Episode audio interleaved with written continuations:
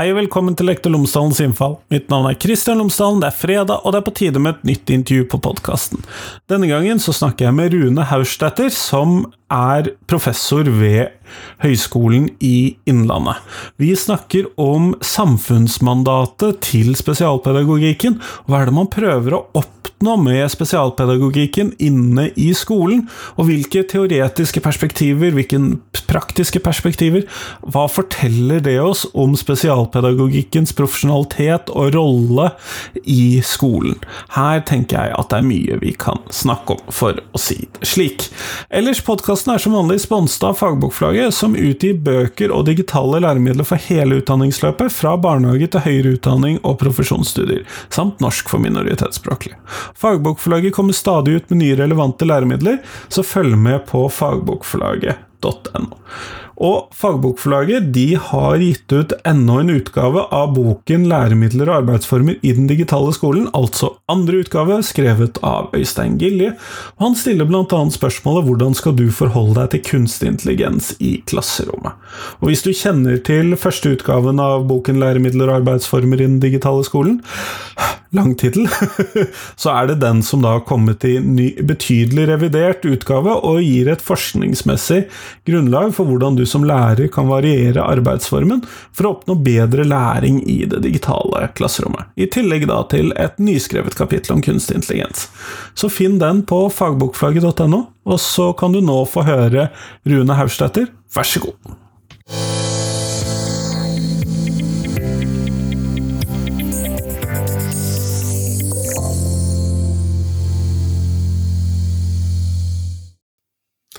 Rune Haugstetter, tusen takk for at du har tatt deg tid til meg i dag. Jo, det var hyggelig å bli invitert.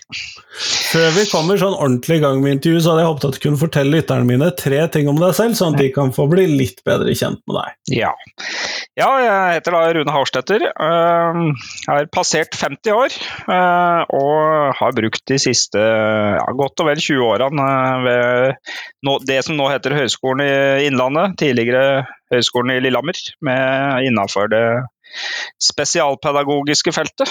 Uh, Jobba her i ja, godt og vel 20 år. Uh, og har etter hvert da blitt professor i, i spesialpedagogikk. Det er nå i hvert fall én ting.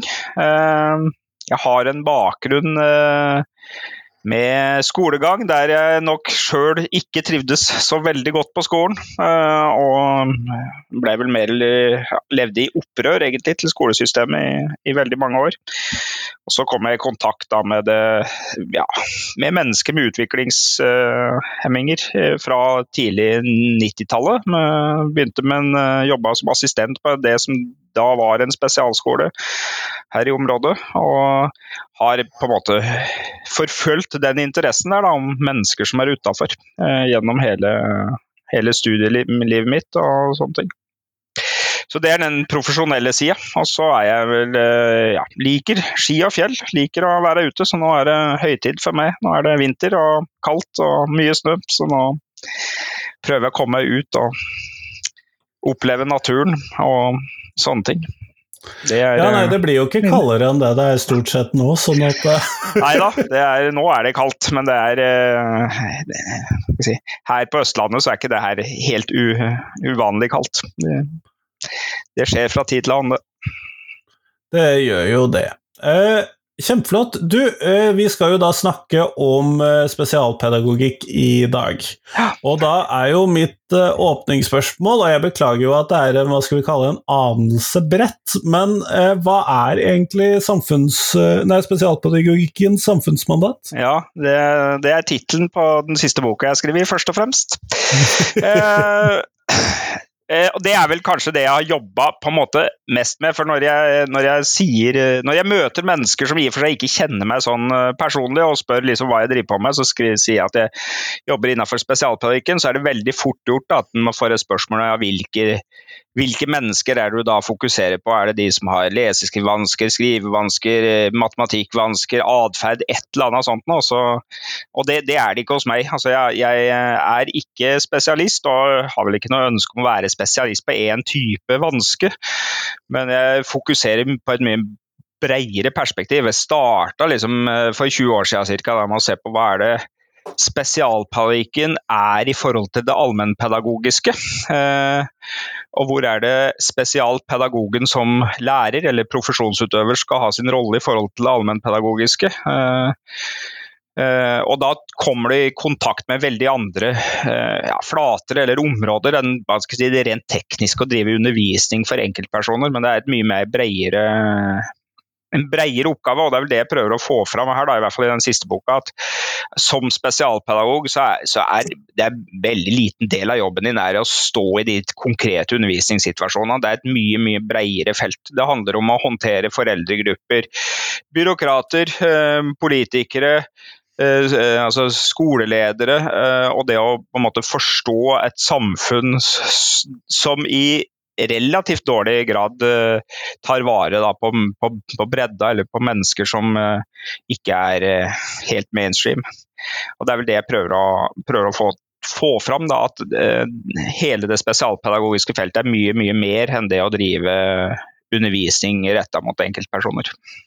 Man kunne jo kanskje tenke seg at uh, det beste ville vært hvis man faktisk fikk tid til å jobbe som spesialpedagog, og ikke bare skulle forholde seg til Altså med elever og foreldre og den type ting, og ikke bare skulle forholde seg så mye til alle disse byråkratene og lederne og Ja da, og det er kanskje en ideell verden, men så, altså det, Eh, hvis, hvis, andre hadde gjort den type jobb, da, hvis, hvis, systemet hadde vært sånn at det hadde tatt vare på mennesker, uh, uavhengig av hva slags forutsetninger man har til å lære, så, så, så ville jo det vært et ideal. Men det er, det er vel min, mitt utgangspunkt at det, sånn er det ikke. Altså, vi, har, vi, har, en skole som er tilpassa ja, en tidligere, det, det, står også i boka, som er tilpassa ca. 80% av elevmassa, og så har du 20% som faller utafor. Og det det er vel de 20% som jeg er, med, er opptatt av. Da. Nettopp, nettopp. Du skriver jo også bl.a. at skolen er jo på mange måter en sånn konkurransearena, og det er et uh, I hvert fall blant de 80% elevene. Ja. Ja. men hvordan spiller det ut for disse elevene som uh, Eller for denne siden av skolen, den 20 Ja, nei, jeg, jeg, skriver det at det er ja, altså i, i, første omgang så er skolen et, et system som er, eh, har som mål å utdanne flest mulig. Eh, med så mye som mulig, og så fort som mulig og så billig som mulig. Sånn at, du, du, måte, at hele organisasjonen er, er eh, tilpassa et, ja, et, økonomisk effektivt eh, element. Eh, og Sånn har det alltid vært, eh, nesten. Altså det, det, her er ikke noe nytt som har kommet de siste årene. Skolen har alltid hatt en, en oppgave da, å drive rangering av mennesker eh, for videre studier eller posisjoner i samfunnet. Det, det her er, er, er, har, har, alltid ligget her. og Det her har ikke vært noe problem så lenge vi bare var ute etter å greie å si, ta tak i toppen. Men ettersom vi nå de siste bortimot de siste 100 årene har, et, har, en idé om å lage en skole som er for alle, eh, som har en mye bredere samfunnsoppgave, så, så, blir det et problem da, at ca. 80 eh, faller utafor. 20 mener du? Ja, ja, altså 20% faller utafor, 80 fullfører. Det er riktig, det. Eh, så det blir et, da, da, begynner det her å bli et dilemma. og det har på, ja, si, det dilemma fra, fra 90-tallet og framover så har dette blitt et mye større dilemma. Eh, fordi at du har hatt en politisk fokus på at, at eh, alle skal på en måte lykkes gjennom ulike strategier. Da. og Inkludering er en av dem. og du ja, Tilpass opplæring og nå er det tidlig innsats. altså Alle disse strategiene som har en idé om å få med alle. Uh, nå husker jeg ikke helt hva du spurte om, men uh, det er ikke si, uh, det er en ganske tydelig sånn konstant da, på rundt 20% som gjør at 80% lykkes. og det er jo, si, I de fleste skolekulturer så er vi ganske fornøyd da, når 80% lykkes. Ja, og 80% er jo på mange måter et godt tall. Det er jo det, fordi det, det, tyder jo da på at de aller fleste funker, og i en sånn samfunnsnytteperspektiv så tilsier jo det at ja, ja, det funker jo, men dette handler jo om livene da, til 20% av elevmassen, 20% av befolkningen, så det er jo likevel usedvanlig skuffende at vi bare klarer 80 Ja da. Og det er vel det, det, det der, altså Hvordan skal vi forstå prosesser da, og, og handlinger da, som knytter seg til de 20 eh, Det er det, det i stor grad jeg jobber med. Og Hva er det som gjør f.eks. at vi i norsk sammenheng har diskutert veldig mye krav om at lærere skal ha, ha fagkunnskap for å kunne undervise. Eh, mens når vi diskuterte for noen år siden hvorvidt en eh, pedagog må ha spesialpedagogisk kunnskap for å kunne undervise innenfor spesialpedagogikken, så ble det et, et økonomisk regnestykke. Eh, noe som det ikke ble på de andre eh, sidene. Så vi har noen strukturer i samfunnet som gjør at de siste 20 ikke er så viktig å ta vare på. Det er vel det jeg prøver å altså, si noe, eh, liksom rette søkelyset mot. Hvordan vi skal Men, forstå det. Og da er spørsmålet hvor er grenselandet her mellom uh, tilpasset opplæring og spesialundervisning? Jeg regner med at begge deler er en del av disse 20% eller er uh, tilpasset opplæring utenfor? Nei, altså det, er, det, skriver jeg ikke så mye om her, da, men, men det er Altså alle har jo i og for seg råd til, eller skal ha, ha tilpasset opplæring. Det er vel en krav som alle skal bli møtt med. Uavhengig av om de har spesialundervisning eller ikke. Så det, det, skriver jeg ikke om jeg har skrevet om det i andre, annen litteratur. Men altså, det er eh, eh, Eh, spesialundervisning er tilpassa opplæring. Eh, og så er det spørsmål litt hva er det for noe annet enn den allmenne tilpassa opplæring. Og det, Da knytter det seg veldig ofte til ressursspørsmål og eventuelt diskusjoner om det er en annen type kunnskap. Og det er et stort spørsmål, altså om det er en annen type kunnskap som ligger rundt det. Det prøver jeg så vidt å si litt om i, i, eh, siste del av den boka her. At, at det, det, kan være mulig å snakke om en annen type kunnskap. Altså at verden for mennesker som har diverse funksjonsutfordringer. De eh, lever i en annen type verden, og den må vi prøve å forstå. Og Det kan det hende at det er en spesialpedagogisk oppgave. Å forstå hvordan en verden for mennesker som f.eks. er blinde eller døve, eller har ulike eh, altså, eh, kognitive utfordringer, hvordan den verden oppstår og fremstår, og hvordan vi skal bidra til å hjelpe dem til å leve i den verden. Mm. Men her så har vi jo da ofte snakket om at Eller Norsk skole befinner seg jo et Eller all skole ja. befinner seg jo et spenningsfelt mellom det vi, som er individuelle perspektiver, og det som er liksom fellesskapsperspektiver. Mm. Hvordan eh, rammer det, eller påvirker det eh, denne, denne 20 prosenten, da? Ja, altså øh, øh, hvis du ser så globalt sett, så er skolesystemene de går fra å være veldig kollektive jo lenger øst du kommer, til å bli mer og mer individuelle jo lenger vest du kommer. Det er en sånn, eh, veldig sånn tydelig og, og, grensegang der. Mens, og de nordiske landene de ligger egentlig i sånn balansegangen der, mellom det kollektive og det, og det mer individuelle. Jeg har jobba tidligere, for ti år siden, så skrev jeg mye rundt finske utdanningssystemer. og finske er mye mye mer kollektivt enn det norske, og det norske er i ferd med å bli mer og mer individuelt uh, håndtert. Uh, og det ser vi fordi at det er skal si, perspektiver som går på individuelle eh, løsninger, de står sterkere og sterkere. Altså, hele ideen om, om eh, altså, Inkludering er en del av en, en individuell rettighet, eh, eller knyttet til individet. Eh, Tilpassa opplæring gjør det, og nå er vi også i sånn tidlig innsatsfokuset også retter seg mot enkeltindivider.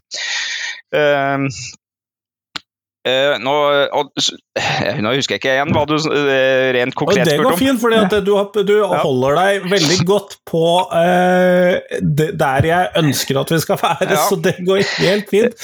Men det ligger jo noen også, perspektiver også. Vi, vi, ligger jo da i et, et skolesystem der, der, vi juridisk og, og, også pedagogisk teoretisk retter mer og mer hva skal jeg si, individuelt fokus.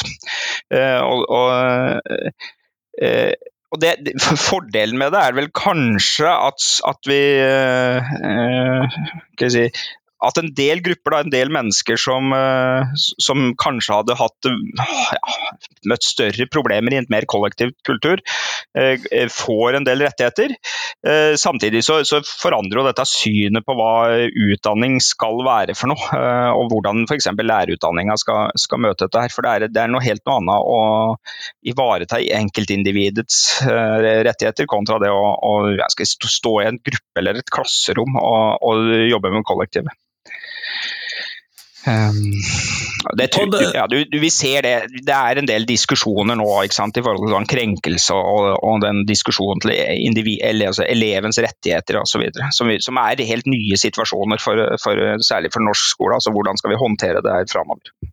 Og der er du inne på noe, fordi at dette her med da For det ligger jo ofte, eller av og til, eller i varierende grad, et stigma, et sosialt stigma eller marginalisering knyttet til det å ha behov for spesialundervisning, eller å motta ulike former for spesialundervisning, eller alle disse tingene som gjør at du trenger å motta spesialundervisning. Ja. Her ligger det jo ofte et sosialt stigma. Ja, det, det er, og, ja det, det, og, det, er et tema jeg har både tenkt og skrevet en del om. Dette her er den, vår forståelse av stigma er i bevegelse der. Jeg skriver en del om stigma i, i boka, men altså, i utgangspunktet så er det de, Og dette handler om den individualiteten vi akkurat er inne på, men i utgangspunktet så er veldig ofte så møter vi mennesker som gjerne vil bli, være spesielle eller være, skille seg ut. Og så lenge det er positivt, opplevd som positivt, så, så, så, det, så opplever vi det som bra. altså Gode idrett eller ja, vi kan være gode på skolen, altså skille oss ut. Så spørsmålet er altså når er det stigma går fra eller det spesielle går fra å være godt eller eh, positivt til å bli noe negativt som, som, som skiller oss ut negativt. Eh, og Der er det elementer i, i det spesialpedagogiske som nok si, forsterker et negativt forestilling. Og Det handler om, som jeg, nå må jeg tilbake til det jeg begynte med, at skolen har som oppgave å drive utdanning til flest mulig med så mye som mulig, og egentlig så fort som mulig. Og mennesker som faller utafor den der uh, boks, de, si målene der, eh, de lykkes ikke innenfor systemet. Og da på en måte er det, er den, altså det spesielle her blir veldig ofte da noe som er negativt. Og, så er det, og det er på en måte på in, uh, institusjonsnivå, men samtidig så på en del på individnivå så, så, så, ser vi også eksempler på at ja, at de kategoriene vi opplever med, blir eh, identifiserbare uh, si, positive ja, Kall det gjerne stigma eller uh, beskrivelser. Altså det å det å ha ADHD i dag er noe helt noe annet enn for 20-30 år siden. Det å ha dysleksi er noe helt i dag. Altså, veldig ofte så møter du mennesker som bruker dette her som merkelapper på seg sjøl som et positivt fortegn. Som gjør at eh, det er et mye mer sånn komplisert felt. Altså. Eh, noen vil bære sine merkelapper eller beskrivelser med stolthet, mens andre vil eh, prøve å ja, rømme unna eller bli flau eller opplever det som et sånn veldig sånn tabufelt. Og så er dette er på, på elevnivå, så har du foreldregrupper eller foresatte da, som, er, som, også må håndtere dette på en annen måte. Men at det er en eh, det er, det er betydelig mindre stigma knytta til dette feltet i dag enn det var for 20-30-40 år siden. Ja, nei, for 40 Det jeg har hørt om fra eh, godt lenge siden, handler jo om bruk av begreper som idiot og den typen At man er eh, At man er lettvekter i toppen i ulike ja, ja. formuleringer og den typen ting. Så men, ofte kanskje nettopp var dysleksi og den typen relativt vanlige eh, problemstillinger. Ja da. Ja da. Uh, og det, det i, I utgangspunktet så har vi nå et system som aksepterer den variasjonen der i mye større grad. Mm, I hvert fall sånn eh, politisk og, og, og strukturelt. Det er vel jeg mer, mer tvilsom til at hvordan han blir akseptert på, på, altså på klasseromsnivå. Altså det er slitsomt for en lærer å stå med en stor grad av variasjon i et klasserom. Uh, I dag som det var tidligere. og uh, Tidligere så hadde du du hadde noen løsninger nå er jeg langt, litt lenger tilbake historisk sett, altså løsninger til å på en måte kvitte deg med problemet, mens det, det, den løsninga er ikke her i dag. og Da kan det uttrykke seg i andre ja, ja, for da var det jo bare noen få som skulle være i skolen, nå er det alle skal være i skolen, og hvis du da kunne bare kaste de ut hvis de var brysomme, så var ja, da, det problemet løst. Ja, fram til 90-tallet så var det ja, et relativt uproblematisk spesialpedagogisk, eller spesial, ja, spesialskolesystem. Det fra, begynte å bli nedbygd fra 70-tallet og framover, men i hvert fall at det fantes sånn at du hadde alternativer som du kunne på en måte vise til. Mens i de, ja, I noen kommuner i Norge i dag så har du jo det, mens i andre, eller aller fleste kommuner har ikke noe alternativ. og Da må du på en måte, da blir skolen eller den uh, ordinære skolen stående som dette er. og Det, det er vel dette du, altså du uttrykker en del uh, en del av de problemene du ser, kan jo være uttrykk for at du ikke greier å løse de lokale utfordringene. Nå, dette blir veldig abstrakt, merker jeg. Men altså, det, det, er en del sånne medieoppslag om elever som blir holdt utafor osv. Ja, som, som kan komme til uttrykk her. At du ja, Vi sliter med å håndtere den variasjonen innenfor eh, skole- eller klasseromssystemet. Og da er jo det store spørsmålet her eh, hvordan kan vi da jobbe med denne inkluderingen, hvis vi da eh, anser at det å få flest mulig elever gjennom skoleløpet på en eller annen måte er målet, og der har vi jo tidligere hatt assimilering, mm. integrering og nå da inkludering, men hvordan kan vi jobbe med dette, og ikke minst kanskje lykkes med denne inkluderingen ja. og sørge for at elevene kommer seg gjennom den graden av skole som vi mener er hensiktsmessig for uh, elevene ja. som et flertall. Og så kan vi jo diskutere om alle trenger videregående skole, men det er en annen ja, diskusjon igjen. ja, ja, og jeg, jeg, jeg ville nok sagt at alle skal i hvert fall ha rettighet til en eller annen skolegang. Og så er det, det er, Dette er et stort spørsmål du, du stiller der, altså.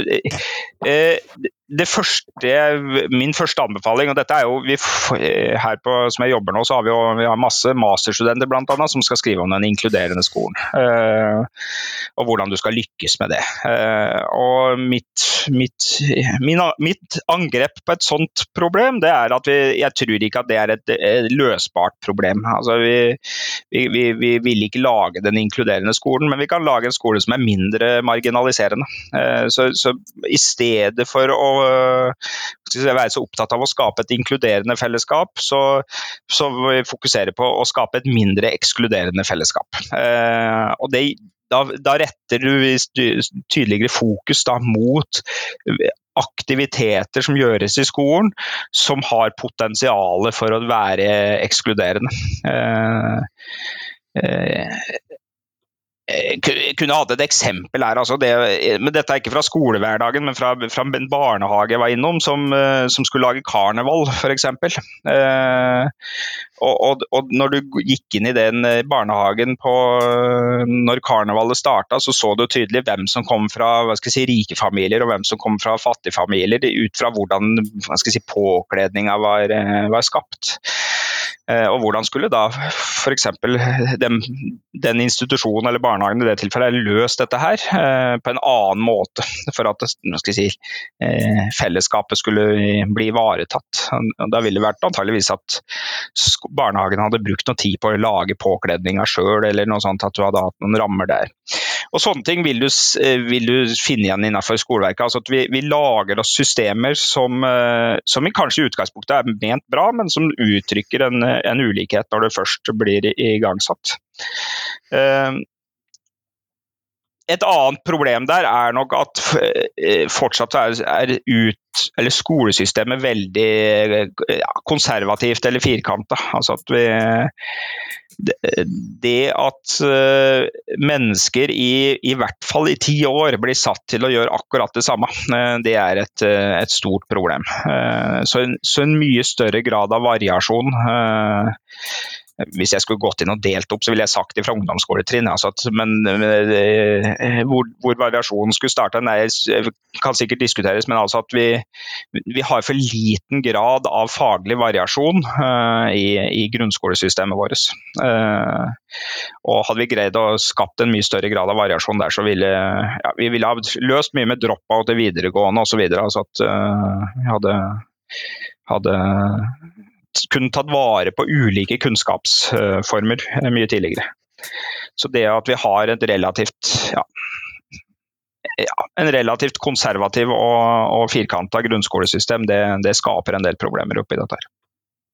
Ja, og Det er jo et tema som er tilbakevendende på denne podkasten. Det mm. er jo rett og slett det at eh, ungdomsskolen er jo antagelig det mest eh, teoretiske skoleløpet vi har. Ja.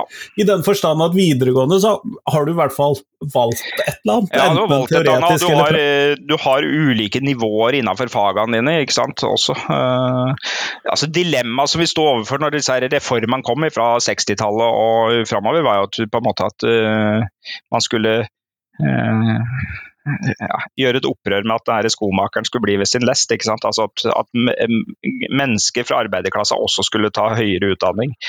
Men, og Det ligger som en sånn idé fortsatt her, men samtidig så har vi jo løst dette her innenfor høyere utdanning med at du, skal si, veien inn i høyere utdanning er blitt mye mer varierende nå. så du, du, det er mye eng, altså, Du kan gå flere veier, og det kunne også grunnskolesystemet. og særlig, Jeg tror også, ja, spesielt ungdomsskoletrinnet kunne tatt, tatt, tatt tak i det. altså Innenfor en del fag så kunne han uh, hatt en større grad av variasjon og større grad av valgmuligheter.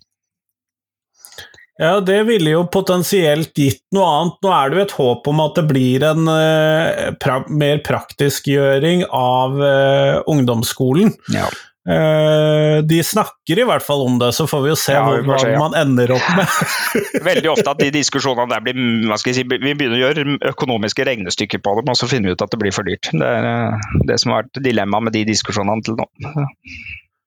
Og det er jo selvfølgelig en utfordring i seg sjøl. Men når vi da skal ta oss og omsette dette da til spesialpedagogisk virkelighet, Ja.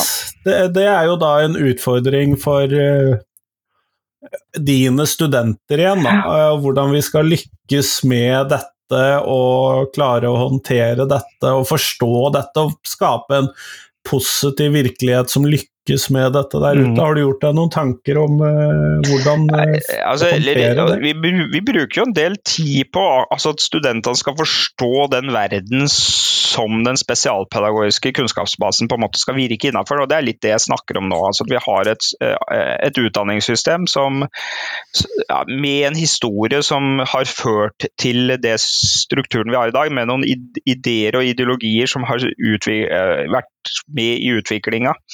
Så det å forstå rammene for den kunnskapen vi opererer innenfor, det, det er veldig viktig. Og så pleier jeg å eh, si, utfordre studentene at eh, når de er ferdig utdannet og går ut i en eh, arbeidssituasjon, at de skal kunne og Det tror jeg ikke de gjør til å begynne med, men etter hvert så håper jeg at de kan greie det. altså De går inn som en slags buffer. altså At, at de kan stille seg mellom individet og individets si, livssituasjon og de kravene eller rammene som, som både utdanningsinstitusjonen eller samfunnet generelt stiller deg. Altså det er, det, er i, det er lov å være litt sånn sivil ulydig uh, hvis du opplever at det her går på bekostning av enkeltindivider. At, uh, altså det å, å fordi at du vil gjøre det som spesialpedagog så- og som all- allmennpedagog, og så står det i valget ofte tror jeg, mellom å, si, institusjonelle krav kontra individuelle si, eh, muligheter eller ferdigheter eller si, spørsmål om hva som er med på å bidra til et godt liv til enkeltindivider. Så det å kunne stå der som en slags buffer eller som en slags eh, ja, filter eh, og, og hjelpe til at det er ikke alle disse her kravene som bør oppfylles like godt. Noe sånt nå er det jeg prøver å utfordre de studentene som går her med. Og det veldig interessante i den sammenhengen er jo da eh, Og det er en digresjon til boka du har skrevet, men eh, undersøkelse av hvor vanlig er det med eh, sivil ulydighet i norsk skole? fordi at det blir jo ikke formidlet at man driver med Nei. sivil ulydighet i mange av disse tilfellene. Men man vet jo det at lærere tilpasser regelverket til virkeligheten i stor grad, mye fordi at det er nødvendig. Ja, ja. Um, og det er jo krevende at politikerne på den måten da heller ikke blir utfordret på problemstillingene med det regelverket Ja som da, finnes. ja da. Ja, altså det blir, det blir utfordra og brukt. Uh, for en del år siden så, så, gjorde vi en evaluering, det var under Kunnskapsløftet. En evaluering av, av hvor mange elever Og det var litt den der 20 %-ideen kom ifra, det, det arbeidet der. Uh, hvor mange elever er det som mottar spesialundervisning? og det var, altså Du har et nasjonalt mål på dette her, men, men det, er, det er jo mange flere som er del av den undervisninga. Det var det vi oppdaga. Altså at når, når, en elev får et tiltak eller får ekstra ressurser, så, så, putter læreren på flere elever inn i samme potten for, dette er for, for å utnytte eller for å si, bidra til at uh, flere elever nyter godt av det. Så, og Det var vel det vi oppdaga, at det er mange flere enn det, si, den offisielle statistikken uh, som, som, yter godt av støtta, som ikke nødvendigvis er definert som med særlig behov, men som yter godt av den støtta. Det er et eksempel på hvordan du si, lærere uh, utnytter det systemet her til det beste, ville jeg sagt. da. Eh, og så tror jeg dette blir, det blir mer og mer vanskelig, for rapporteringsbehovet eller rapporteringskravene i skolen er i ferd med å øke mer og mer. At, og, ja, ved hjelp av teknologi som passer på oss og sån, sånne ting. Så, det er, jeg tror ikke det blir noe lettere å, å være lærer innenfor det der systemet her framover. Nei, jeg mistenker at du har rett ja. i det. Uh, men vi går mot slutten, uh, Rune, mm. og da lurte jeg på om du kunne fortelle uh, hvilken lærer som har gjort størst inntrykk på deg, og hvorfor det? Ja, det var vel det eneste spørsmålet jeg egentlig har gått og tenkt på i forkant av denne intervjuet her. Hva, hvem skal det være? For det at, vi har, eller jeg gjennom min skolegang, har nok hatt mange Eh, jeg har møtt mange lærere som har gjort inntrykk. Eh, og det er ikke de lærerne som var snillest eller greiest, det var vel egentlig den som, var, som på en måte greide å skape rammer. Jeg har alltid gått i klasser der det har vært mye si, liv og røre. Så var vel de lærerne som greide å skape rammer, og så er det vel spørsmålet hvem er det som eh, skapte best rammer, på en måte. Altså der du på en måte aksepterte rammene ved siden av å måtte tilpasse deg dem. Uh, og det er flere, det òg. Altså, jeg har hatt eh, lærere på, eh, særlig på ungdomsskoletrinnet som var eh, ja, reale, krevende og, og uh, tydelige lærere. Uh, så det var vel det som, som Men, men det, er, det, her er ikke én lærer, altså. Det, dette, var, var, flere som uh, så, ja, men det er lov å finne ulike måter ja. å svare på dette spørsmålet ja, på, sånn at uh... det, Og gjennom også, jeg gikk på, eh, en gang på lærerskolen det som var da Høgskolen i Bergen på, på 90-tallet, og der også hadde jeg mange gode øvingslærere som jeg møtte gjennom praksisen der, som var veldig gode lærere, altså, som, som, virkelig kunne, kunne læreryrket. Så jeg har, jeg har, møtt mange gode lærere. Jo, men det er jeg glad for. Tusen takk for at du tok deg tid til meg i dag. Jo, fint, fint. Det var hyggelig å være her.